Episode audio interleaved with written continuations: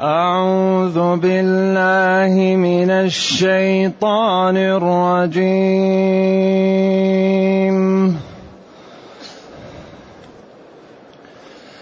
وله من في السماوات والأرض كل له قانتون. وهو الذي يبدأ الخلق ثم يعيده. وهو الذي يبدأ الخلق ثم يعيده وهو أهون عليه. وله المثل الأعلى في السماوات والأرض. وله المثل الأعلى في السماوات والأرض وهو العزيز الحكيم.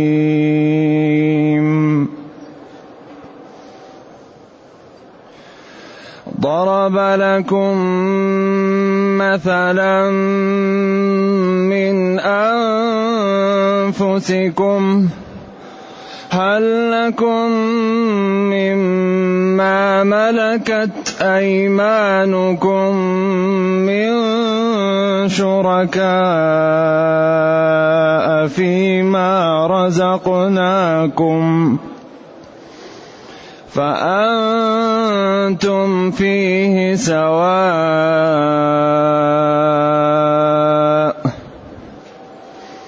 فأنتم فيه سواء تخافونهم كخيفتكم أنفسكم ۖ كذلك نفصل الآيات.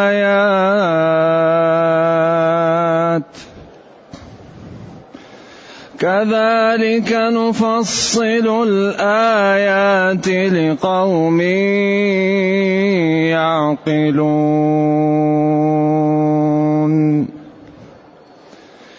بل اتبع الذين ظلموا أهواءهم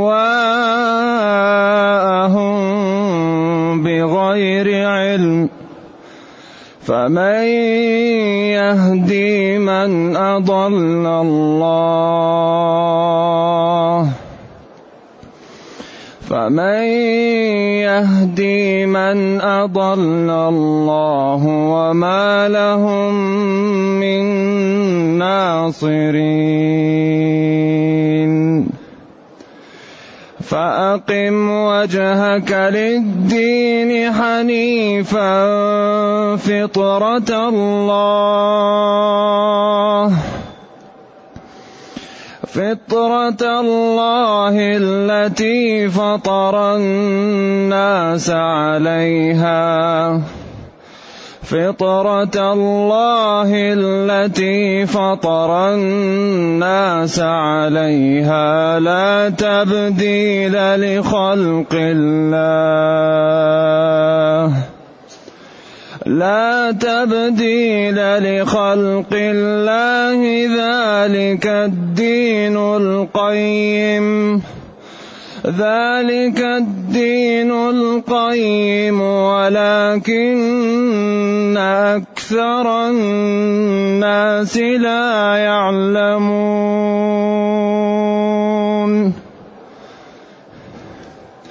منيبين إليه.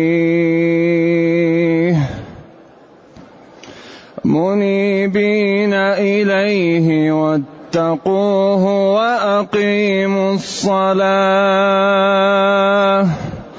وأقيموا الصلاة ولا تكونوا من المشركين.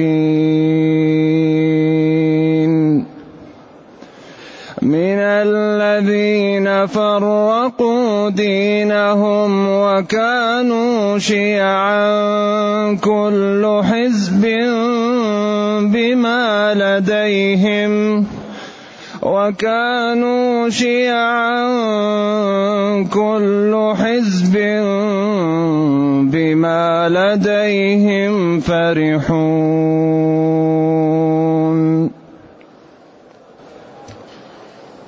الحمد لله الذي أنزل إلينا أشمل كتاب وأرسل إلينا أفضل الرسل وجعلنا خير أمة أخرجت للناس.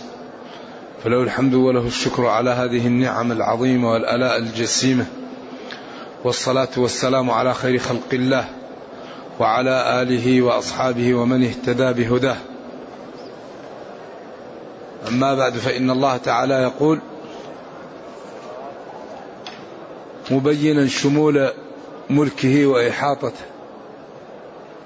وله من في السماوات والأرض كل له قانت له لا لغيره.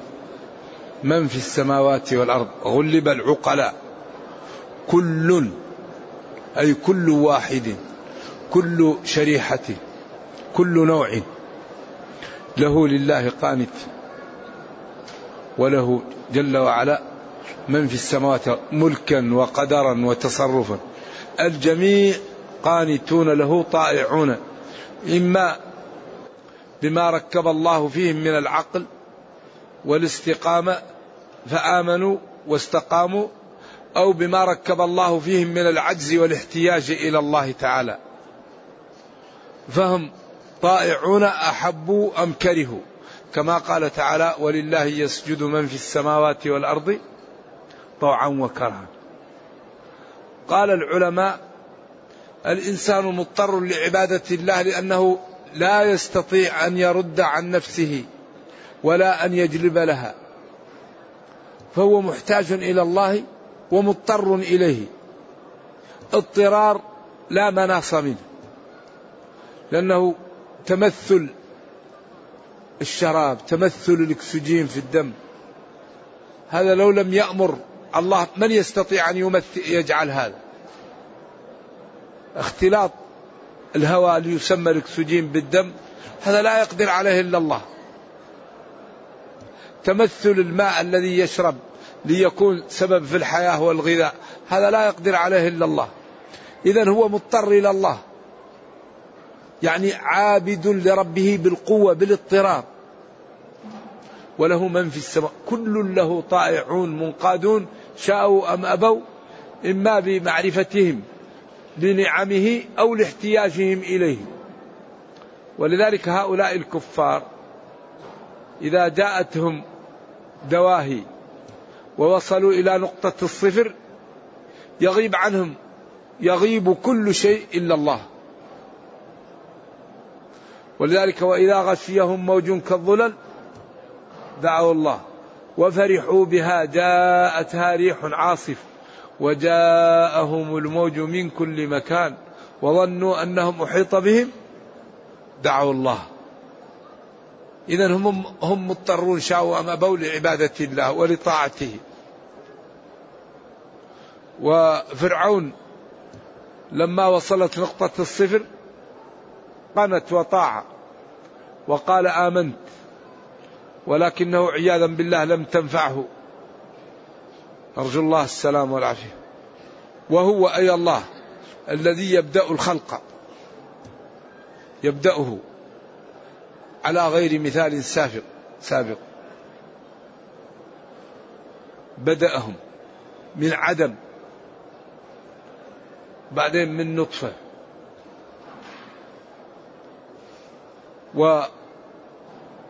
وتكرر في هذه الدروس المباركة أن أكبر دلالة على القدرة هو الخلق. وأن الذي لا يخلق لا يستحق العبادة. وأن الله يكرر في كتابه أن الذي يخلق لا يتساوى مع من لا يخلق وأن العالم جميعا لو اجتمعوا أن يخلقوا أدنى مخلوق لا يستطيعون. أما الله فهو الذي خلق الكون ودبره ورزقه. لو الآن قيل لإنسان بس لك أن تطعم أهل الأرض يوم واحد. لا يستطيع إلا الله. ذلك ارزق لنا سكان الأرض يوم واحد. من يستطيع؟ ما يستطيع إلا الله. يبدأ الخلق ثم يعيده بعد يميت فيعيده أحياءه. وهو أهون عليه أي هين عليه. لأن أفعل تأتي بمعنى فاعل والقرآن نزل بلسان عربي بلغة العرب. ولذلك قال الشاعر وإن مدت الأيدي إلى الزاد لم أكن بأعجلهم إذا الشع إذا أجشعوا القوم أعجلوا. أي لم نكن بعاجل لم نكن بأعجلهم بأعجال وهو أهون أي هين عليه.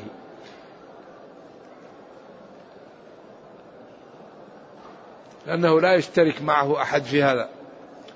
وله جل وعلا المثل الأعلى في السماوات والأرض.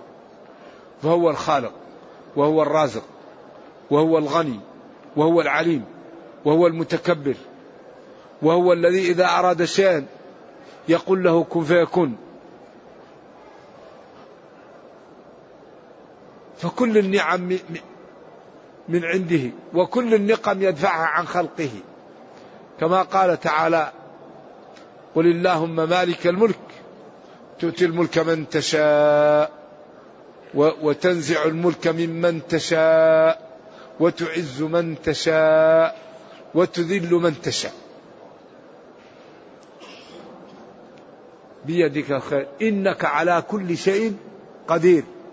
ثم أتى بالمثال تولج الليل في النهار. وتولج تدخل الليل في النهار. فتنقص من النهار في الليل. وتولج النهار في الليل فتنقص من الليل في النهار.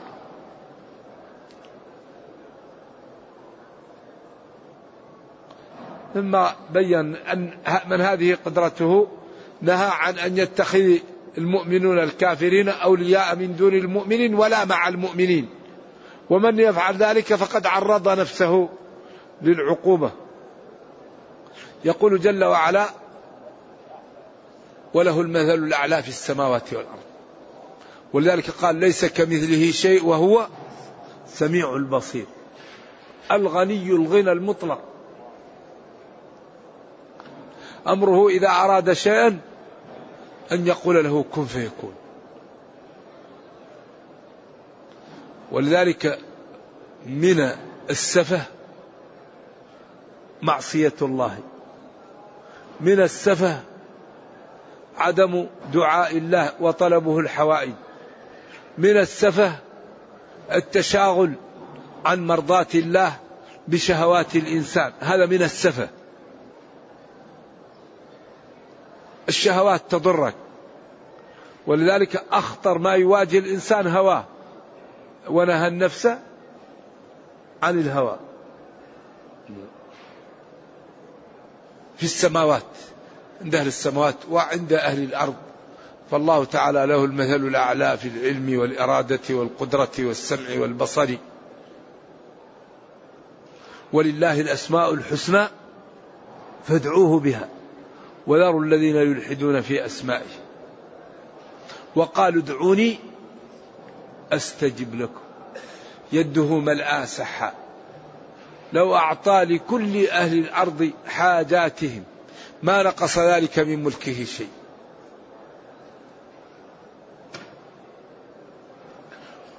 وهو وله المثل الأعلى في السماوات والأرض وهو العزيز الحكيم. العزيز في ملكه. غالب. الحكيم في تشريعاته. عزيز غالب. غالب الله. حكيم تشريعاته في غاية من الحكمة والنفع. ولذلك يطمئن المسلم ويسير على ما أراد منه ربه لأنه عزيز يحميه. وحكيم لا يشرع له إلا ما يصلح دنياه وأخراه فيمتثل الأوامر ويجتنب النواهي ويطمئن بصلاح الدنيا وصلاح الأخرى. ثم هنا الآية فيها نوع من الخفاء وفيها أيضا نوع من التمثيل للناس. ضرب لكم مثلا من أنفسكم. ضرب لكم مثلا من أنفسكم. هل لكم مما ملكت أيمانكم من شركاء فيما رزقناكم فأنتم فيه سواء؟ ضرب المثل هو إتيان بحالة معروفة لحالة لا تعرف لتستوعب وتفهم بأقصر طريق. ولذلك الإتيان بحالة معروفة لحالة العلم بها أقل لتستوعب وتفهم بأقرب طريق. ولذلك قال وتلك الأمثال نضربها للناس وما يعقلها إلا العالمون وقال ويضرب الله الأمثال للناس والله بكل شيء عليم. ضرب يعني جعل وصير لكم من أنفسكم من هنا لابتداء الغاية. من أنفسكم ضرب لكم من أنف... ضرب لكم مثلا من أنفسكم. هل لكم مما ملكت إيمانكم من للتبعيض؟ من شركاء زائدة. ثلاثة من ثلاث مرات في هذا. فالأولى الابتداء والثانية للتبعيض والثالثة زائدة للتوكيد. صلة. قيل قولهم لبيك لا شريك لك إلا شريكا هو لك تملكه وما ملك. وقيل ضرب لكم هذا المثل أنكم كما أنكم لا تجعلون عبيدكم شركاءكم في أموالكم وأندادا لكم في الحياة فكيف أنتم تجعلون مع الله أندادا؟ والله هو الذي أعطاكم ودفع عنكم وأنتم عبيد له. أنتم لكم عبيد ضرب لكم مثلا من أنفسكم من واقعكم. هل لكم مما ملكت أيمانكم من شركاء؟ هل تشاركون عبيدكم في أموالكم؟ وفي أموركم وتجعلونهم كأنتم في في المسائل؟ إذا أنتم عبيدكم تجعلونهم أسفل منكم ولا تعطوهم مكانتكم. فكيف وأنتم عبيد لله؟ تعطون المكان للأوثان وتسووها بالله. إذا هذا أمر لا يليق بكم فإنكم أنتم عندكم عبيد. والله ملككم إياهم. ولا تسووا أنفسكم بهم. فكيف تسوون خلق الله بالله؟ وهو الذي خلقكم وحده. وهؤلاء لا ينفعون ولا يضرون ولا يعني يدفعون عنكم أي شيء. تخافونهم كخيفتكم من أنفسكم من الأحرار ومن إخوانكم. كذلك فأنتم في سواء يعني مالهم. مالكم تجعلونهم أنتم في سواء وتخافونهم كخيفتكم من أنفسكم؟ لا طبعا. اذا كيف تعبدون الأصنام وتسوونها بالله؟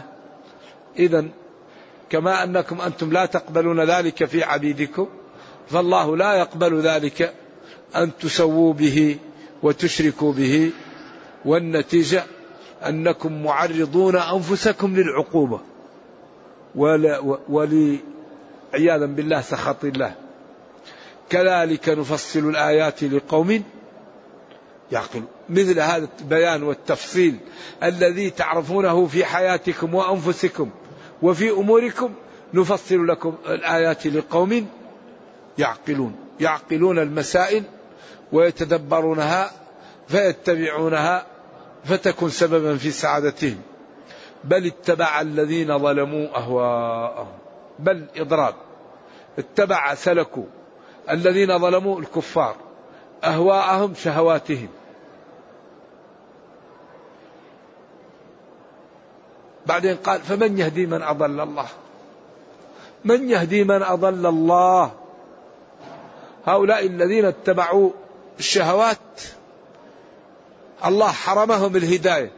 والذي حرمه الهداية لا هادي له. فمن يهدي من أضل الله؟ يا ويلهم وما لهم من ناصر. ولذلك الذي ختم عليه خلاص. إذا نفخ فيه الروح يقول للملك شقي وسعيد انتهى. لا يرد. الذي يهديه الله لا مضل له والذي أضله الله لا هادي له.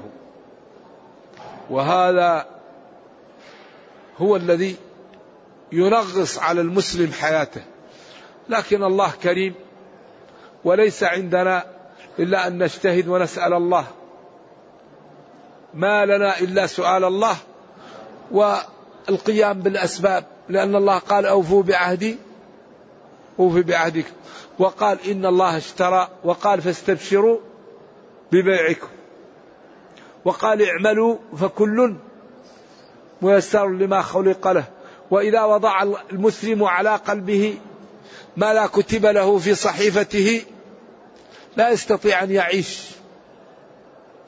ذلك عمر عمر كان يخاف. وأبو بكر قبله كان يخاف. والإمام سفيان الثوري كان يخاف. وكل ما كثر علم الإنسان خاف من العاقبة. وحاسب. وكل ما قل علم الإنسان كثر أمنه وقل خوفه وعمله. فلذلك فائدة العلم أنه يسبب الخشية من الله فيكون سبب في الطاعة والبعد عن الحرام. انما يخشى الله من عباده العلماء. العلماء لما عند الله من المتقين. العلماء لما عند الله من المجرمين. العلماء بما عند الله من القدرة والقوة وبما عنده من الأخذ للذين يظلمون. إن أخذه أليم شديد. علماء بهذا يخافون. فيبتعدون عن المعاصي ويجتهدون في الطاعات فيعزهم ربهم في الدنيا ويرحمهم في الأخرى. وأي شيء أعظم من أن تصلح للعبد دنياه وأخراه لكن هذا لا يكون إلا بماذا؟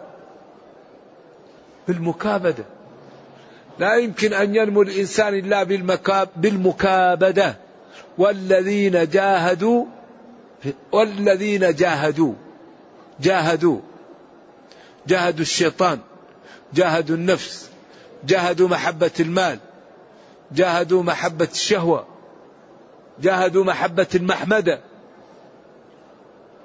جاهدوا محبة الراحة جاهدوا.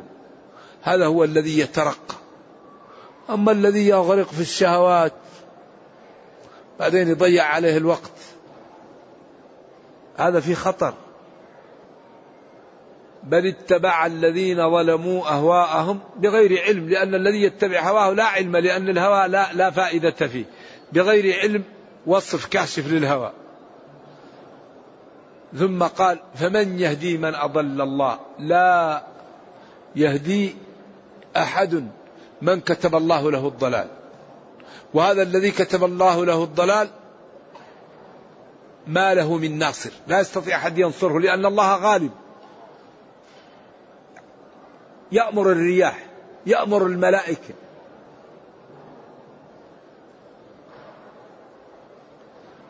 جند الله لا يمكن يقاوم. جبريل يمكن أعطاه الله من القوة اللي يمكن يضع جناحه تحت الأرض ويرفعها. وإذ نتقنا الجبل فوقهم. أي قوة تقدر ترفع جبل؟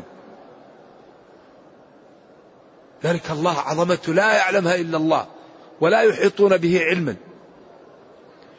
قال لهم اسجدوا فامتنعوا فرفع الجبل جبريل أخذ الجبل. ونتقه نتقه كما ينتق الوتد وإذ نتقنا الجبل فوقهم كأنه ظل غمامة. تسجدوا أو ينزل عليكم. فسجدوا وصاروا يسجدون هكذا. ولذلك اليهود يسجدوا إلى الطرف عشان ينظروا هل الجبل يسقط عليهم أو لا. نرجو الله السلام والعافية. إذا عظمة الله عجيبة. لا يمكن فالعبد ما الذي يريد؟ وهو كريم وقادر وغني. فالعبد ينضوي تحت أمر الله. ويبتعد عن عصيان الله. وما أراده يعطيه الله له. صفقة صفقة مع الله. أوفوا بعهدي أوفي بعهدكم. والله لا يخلف الميعاد. إذا قل هو من عندي أنفسكم. أي شيء نريد الطريق مفتوحة. لكن وأتوا البيوت من أبوابها. ما عند الله لا ينال بمعصية الله. أبدا لا ينال إلا بطاعة الله. وما لهم يوم القيامة هؤلاء من ناصرين.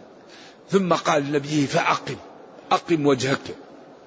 وجهك عبارة لأن أشرف شيء في, في, في, في الإنسان الوجه. فيه الحواس وفيه المواجهة ولشرفه نهي عن الضرب في الوجه. حنيفا مائلا عن عن عن الشرك وعن الضلالات مستقيما على الحق.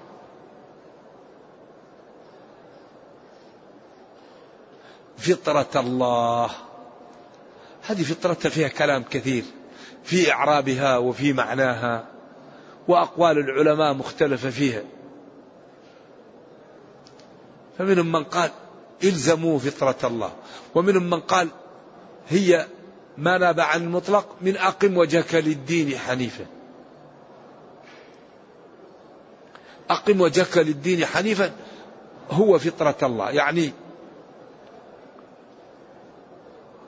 أطع ربك طاعة. ففطرة الله كأنها ما ناب عن المطلق من أقم وجهك للدين حنيفا. كأنها ما نائبة عن المطلق وهذا اختيار الطبري. أو الزموا فطرة الله. واختلفوا هنا في فطرة الله. فالإمام أحمد قولاني كان أول يقول الصلوح ثم رجع وقال فطرة الله دين الله. وهذا اختيار كثير من العلماء ولذلك قالوا كل مولود يولد على الفطرة على الدين فأبواه يهودانه أو يمجسانه. ألا ترى البهيمة تنتج كاملة ثم إن أهلها يقطعون منها؟ ويبحرون أذنها ويجدعون منها شيئا. حتى لذلك يغيرون خلق الله الذي خلق عليه الدواب ولا يغيرن خلق الله. فلآمرنهم فلا يبتكن آذان الأنعام. إيش؟ ولآمرنهم فلا فلا يغيرن خلق الله. هذا تغيير الفطرة التي خلق الخلق عليه. لابن عبد البر ولجماعة أن الفطرة هي الصلوح. إذا الفطرة مشتركة. الفطرة تقال للدين والفطرة تقال للصلوح. يعني يكون الشيء قابل للخير وقابل للشر. فإذا جاءه الخير قبله وإذا جاءه الشر قبله. وهذا نصره بن عبد البر في كتابه التمهيد. ولكن في نص أن الفطرة هي الإسلام. نعم. ولكن أن الناس فطرها الله وخلقها على ما كتب لها في اللوح المحفوظ. فطرة الله التي فطر الناس عليها. لا تبديل لخلق الله. فطر بعض على الإيمان وفطر بعض على على الشقاوة. كما قال فمنهم شقي وسعيد وقال ولا يزالون مختلفين إلا من رحم ربك ولذلك خلقهم وقال خلق الموت والحياة ليبلوكم إذا فطر الناس على أن جعل بعضهم مجبولا على على الخير وبعضهم مجبول على الشر. إذا هذا آه، فطرة الله هنا هو ما هيأه للخلق وكتبه عليهم. وإن كان كما ذكرت بعضهم يقول فطرة الله دين الله. ولذلك قال فأبواه يهودانه أو يمجسانه. ما قال ويمسلمانه. لأنه لو تركوه من اليهودية والنصرانية كان بطبعه قريبا إيش؟ من الدين ولا ابتعد. لكن تجتاله الشياطين ويجتال هؤلاء ويبعدوه. أي إذا فطرة الله التي فطر الناس عليها وجبلهم عليها. ولذلك تجد الفطر السليمة لا تحب الظلم ولا تحب الشر ولا تحب المعاصي وتحب الخير وترغب فيه. ولذلك نبينا صلى الله عليه وسلم. كان مجبول على على إيش؟ فطره الله على الخير. كان مجبول على على على فعل الخير وعلى الصدق. كانوا يسمونه الأمين ويحبونه. لا تبديل لخلق الله. خلق الله من خلقه للشقاوة لا يكون تقيا. ومن خلقه للتقى لا يكون شقيا. لا تبديل لخلق الله. ذلك الدين القيم. الدين القيم أن الذي كتبه الله يقع ولا يمكن أن يرد مهما كان. الإنسان يكون أبوه رسول وعياذا بالله يكون كافر. إنسان يتربى في أحضان فرعون ويكون رسول. موسى الذي رباه. فرعون مرسل وموسى الذي رباه جبريل كافر يقال السامري. رباه جبريل وبعدين كفر. لذلك الهداية بيد الله. نوح ما أغنى عن ولده.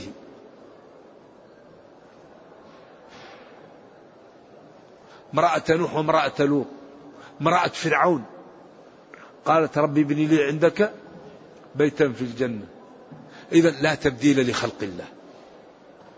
يرسم الله يحكم عليه يكتب لا يبدل. ولكن نحن لا نعرف المكتوب فنجتهد في الطاعة ونسأل ربنا الهداية والتوفيق ونبتعد عن مواطن العطب. مواطن العطب المعاصي المجاهرة الذنوب الظلم. الربا. في في في معاصي كبيرة الظلم كبيرة العقوق كبيرة المجاهرة بالمعاصي كبيرة.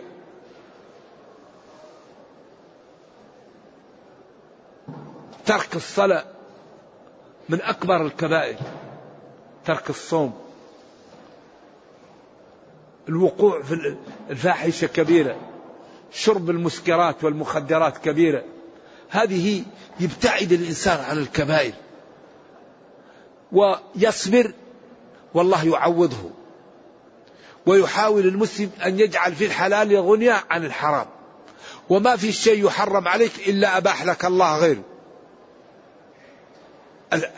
اللبن من بين فرث ودم لبنا خالصا سائغا للشاربين.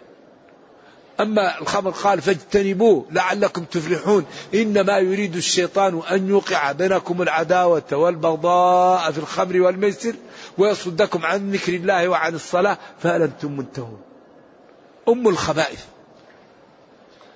ولذلك الخمر ما خامر العقل وكل ما يشربها الإنسان هو عرضة للقتل وللفاحشة وكل الذنوب.